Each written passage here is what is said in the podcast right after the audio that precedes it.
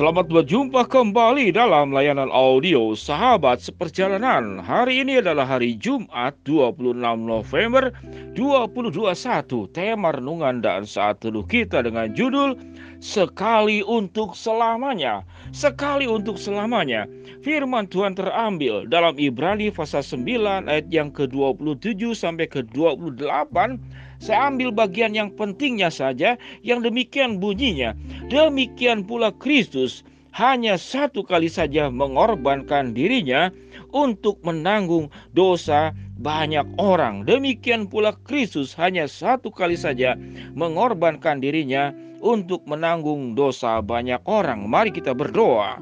Bapa yang di dalam surga, kami bersyukur memiliki Allah yang luar biasa. Engkau berlaku berbuat satu kali, dampaknya untuk selama-lamanya. Dan biarlah kami boleh mensyukuri segala kebaikan-kebaikan Allah yang terjadi dalam hidup kami. Di dalam nama Tuhan Yesus kami berdoa. Amin. Shalom sahabat seperjalanan yang dikasih Tuhan. Tema yang cukup menarik sekali untuk selama-lamanya. Kalau kemudian ini ada lawan katanya, berkali-kali namun untuk yang sementara. Mari kita bandingkan. Sekali untuk selamanya, berkali-kali untuk yang sementara. Kalau kita bicara tentang berkali-kali untuk yang sementara, kita mengingat tentang janji manusia. Manusia itu berjanji, sudah satu kali berjanji, kemudian mengingkari, berjanji lagi, lupa lagi, berjanji lagi, mengingkari lagi, lalu berjanji lagi, meyakinkan saya tidak akan melakukan lagi, kamu percaya kepada saya, dan seterusnya. Sahabat seperjalanan, pernahkah kita bertemu dengan orang yang seperti demikian? Dalam hubungan rumah tangga, dalam persahabatan, dalam bisnis, di dalam relasi, dalam bersahabat, dan segala sesuatu. Itulah sifat manusia sifat yang suka ingkar janji, yang suka lupa kepada apa yang harus menjadi tanggung jawab dan kewajibannya tidak dilakukan. Hal-hal yang sederhana pun lupa. Demikianlah sifat manusia.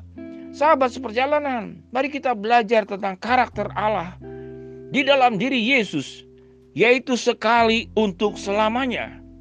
Yesus dikatakan demikian pula Kristus hanya satu kali saja mengorbankan dirinya untuk menanggung dosa banyak orang.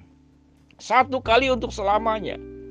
Kematian Kristus di atas kayu salib, kebangkitannya, sebelumnya adalah kelahirannya, sampai kemudian kenaikan ke surga, datang untuk yang kedua kali ke dalam dunia ini, pengorbanan di salib sekali untuk selamanya.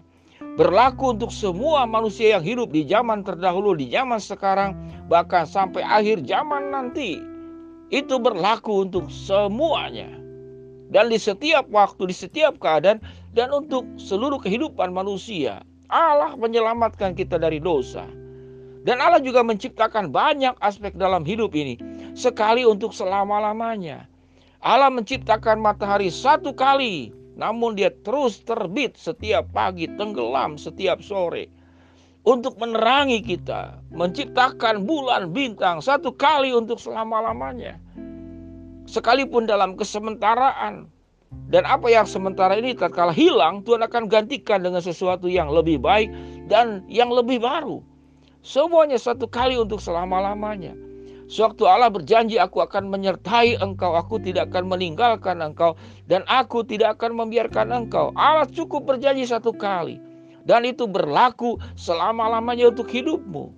Kalau Allah yang berjanji akan mencukupkan engkau, aku adalah El, Allah Jehovah Jireh, Allah yang mencukupkan, maka Allah cukup berjanji satu kali dan untuk selama-lamanya janjinya itu akan dipenuhi. Sahabat perjalanan yang dikasih Tuhan, itulah sifat Allah satu kali untuk selama-lamanya.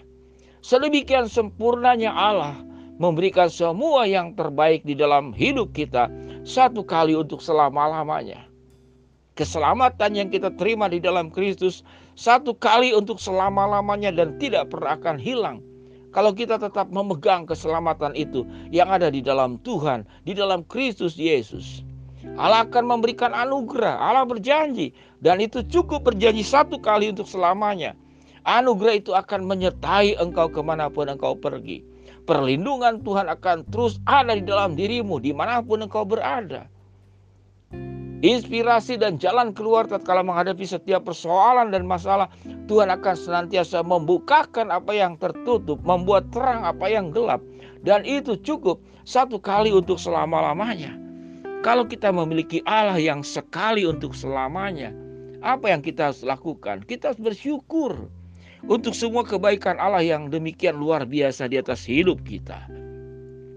Kita patut mensyukuri untuk semua hal yang terindah yang Tuhan buat dalam kehidupan kita. Lalu apa hubungannya dengan kita? Bagaimana dengan sifat kita?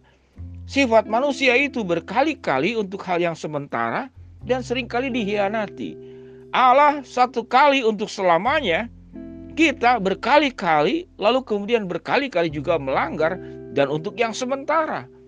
Dalam waktu yang pendek mengiyakan kemudian lupa di waktu yang berikut. Berapa banyak mereka-mereka yang sudah menikah dan setiap pernikahan itu janjinya itu janji yang luar biasa. Dan janjinya itu adalah dia berjanji satu kali untuk selama-lamanya. Aku mengambil engkau sebagai istriku, sebagai suamiku. Aku berjanji di hadapan Allah akan mencintai, menghormati engkau dalam segala keadaan. Dalam suka dan duka, lebih atau kurang, kaya atau miskin, sehat maupun sakit. Selama kita hidup. Itu janji dan dia berjanji sekali untuk selamanya. Namun apa yang terjadi? Berkali-kali janji itu dihianati dan berkali-kali juga dia kemudian berjanji kembali untuk hal yang sementara. Karena mengapa? Karena dia tidak belajar dari sifat-sifat Allah. Sewaktu kita belajar daripada sifat-sifat Allah, kita akan menjadi orang yang pribadi yang bertanggung jawab. Sewaktu kita belajar dari karakter Allah, kita akan menjadi orang yang sangat berhati-hati menjaga kehidupan ini Kehidupan terlahir satu kali, mati satu kali. Setiap waktu yang kita lewati dari hari ke hari itu hanya sekali dan tidak bisa kembali lagi dan kita harus dengan penuh rasa hormat menjalani kehidupan ini dan menjalani setiap kepercayaan yang sudah Tuhan berikan. Dan kita akan berjuang untuk terus bertumbuh menjadi semakin serupa dengan Kristus dan terus memperlengkapi diri menjadi semakin baik, semakin baik lagi di dalam kehidupan ini. Sahabat seperjalanan yang dikasih Tuhan, marilah kita belajar dengan rasa syukur yang sangat mendalam untuk Allah yang luar biasa. Allah yang sekali untuk selamanya.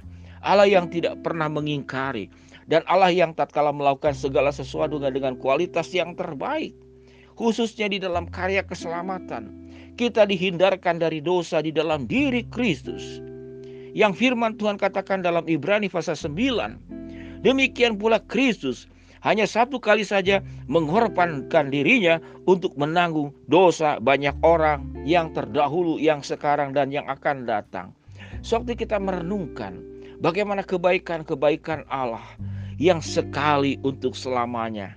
Sudah seharusnya bahwa karakter dan jiwa ini pun juga ada di dalam diri kita. Kalau kita sudah berjanji sekali, maka lakukanlah untuk selama-lamanya dengan setia. Suatu engkau berjanji, aku sekali ini berjanji akan hidup benar, hidup kudus, dan hidup akan takut akan Allah. Maka lakukan itu untuk selamanya, sampai kemudian nafas itu terlepas daripada kehidupanmu. Maka selesailah engkau sudah menjalankan tugas dengan baik.